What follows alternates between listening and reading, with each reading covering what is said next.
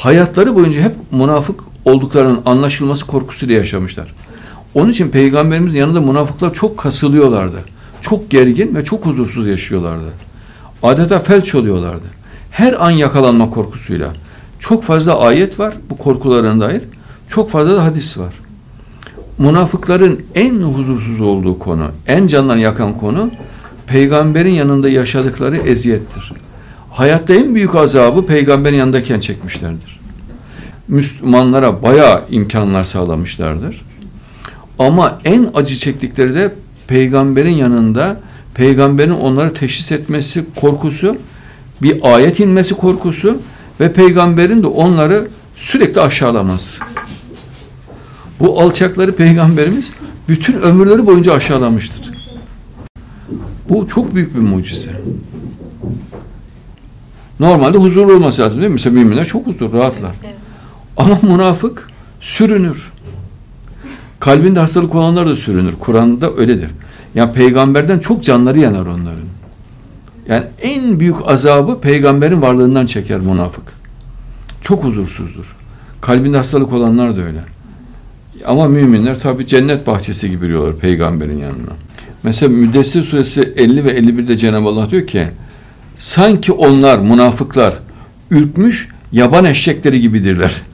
Arslandan korkup kaçmış gibi diyor Allah. Arslandan korkup kaçan yaban eşekleri gibidirler diyor. Demek ki her zaman Mehdiyet arslanla sembolize ediyor. Bunlar da yaban eşekleri gibi Müslümanlardan kaçıp e, sonra da verdikleri eme hayıflanmayla ömürleri geçiyor. Yani diyor mesela Fedek'teki arazileri götürdük peygambere verdik diyor. Efendim şuradaki hurmalıkları götürdük verdik. Şu kadar deve yükü imkan sağladık. Bu azap onlara ömür boyu yetiyor. Ve peygamberin yanında çektikleri o stres, gerilim. Çünkü her an yakalanma korkusuyla e, ve sürekli peygamberimiz onları hissettiği için, sürekli aşağıladığı için onun can yangınlığını ömür boyu anlatıyor münafıklar.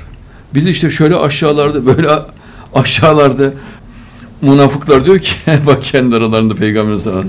Münafıklar Medine'de şöyle konuşuyorlar diyor. Ee, Müslümanlar kendi yurdumuzda bize hakim oldular, çoğaldılar diyor. Çok ağırlığına gidiyor. Münafıklar diyorlar ki bu sizin kendi kendinize yaptığınız bir şeydir. Beldelerinizi onlara helal ettiniz, mallarınızı onlara helal ettiniz, verdiniz diyorlar. Birbirlerine çekişiyor, birbirlerine dert yanıyorlar. e, hatta e, daha da böyle sivri laflarla bunu söyler. Peygamberimiz sahabe diyor ki ya bunlar diyor münafık bunların hepsini aşağılayalım diyorlar. Yani rezil edelim ve kovalım diyorlar. Peygamberimiz siz sakin olun diyor, rahat olun diyor. Bunların bütün malını, mülkünü Müslümanların üstüne alıyor Peygamberimiz. Hiç acele etmiyor münafıkların. Çünkü münafıklar zaten alacağız diye veriyorlar. Yani zaten peygamber şehit olacak diyorlar bir gün. Biz bu bütün malları alırız, bütün imkanları alırız diye bütün malını, mülkünü, imkanlarını veriyorlar Müslümanlara. Ve tabi gazvelerle de cihatlarda elde edilen malları da alıp getiriyorlar. Mesela binlerce deve, on binlerce koyun hepsini münafıklar geniş çapta gayret ettiler. Peygamberimize getirme konusunda çok titizdiler. İyice bunlar malı yığdıktan sonra ayet indi. Falanca falan bunların hepsi münafık diye. Sonra bunlar kaçtılar. Ama o devre kadar Cenab-ı Allah onlara müsaade etti. Münafıklara. Diyor ki mesela Haşr suresi 13'te münafıklar için bak ayet Haşr suresi 13 herhalde içlerinde içlerinde dehşet ve yılgınlık uyandırma bakımından bak dehşet ve yılgınlık artık biz, bizar olmuş bakımından siz Allah'tan daha çetinsiniz münafıklara diyor. Daha korkarlar sizden diyor. Bu şüphesiz onların derin bir kavrayışı sahip olmamaları dolayısıyla böyledir. Yani akıllı olmamaları, ölü olmaları nedeniyle diyor.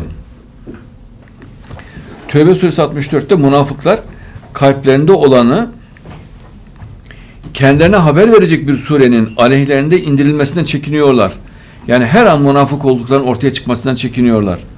De ki alay edin şüphesiz Allah kaçınmakta olduklarınızı açığa çıkarandır. Bir de münafıklar böyle kendince alay ettiğini zannederler. Halbuki kendilerini aşağılıyorlar. Kendilerini perişan hale getiriyor. Çünkü onu yaptıkça kendileri acı çekiyor. Kendisi sıkıntı çekiyor. Müslümana ne olur? Hiçbir şey olmaz. Sen hizmet etmişsin. Gençliğini vermişsin. Malını vermişsin. imkanını vermişsin.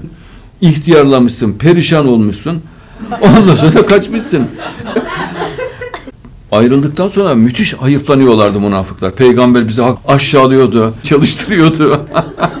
nöbet tutmalarını çok hayıflanıyorlardı peygamberimize. Çünkü e, gece gündüz nöbet tutturuyordu peygamberimiz onları kapıda.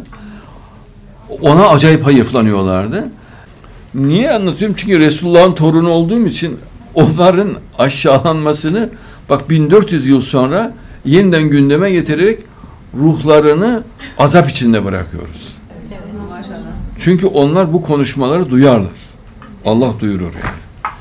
Aralarındaki konuşmalarında en çok üstüne vurdukları şey bu çok büyük müddet. Nöbet tutardık diyor. Mal mülk getirirdik diyor. Hizmet ederdik diyor. Allah diyor ki aralarında çekişmeleri pek şedittir diyor. Aralarındaki çekişmeler yani sen onlar birlik sanırsın. Onlar birlik değiller. Aralarındaki çekişmeler pek şedittir diyor. O onu aşağılıyor, o onu aşağılıyor. Yana yakıla bunu anlatıyorlar. Ama bak en yangın oldukları peygamber onları seziyordu, anlıyordu. Onlar aşağılıyordu. O onlara çok ızdırap veriyordu. Bu kadar aşağılanmaya rağmen çalışıyor olmalarını bir türlü unutamıyor ömür boyu.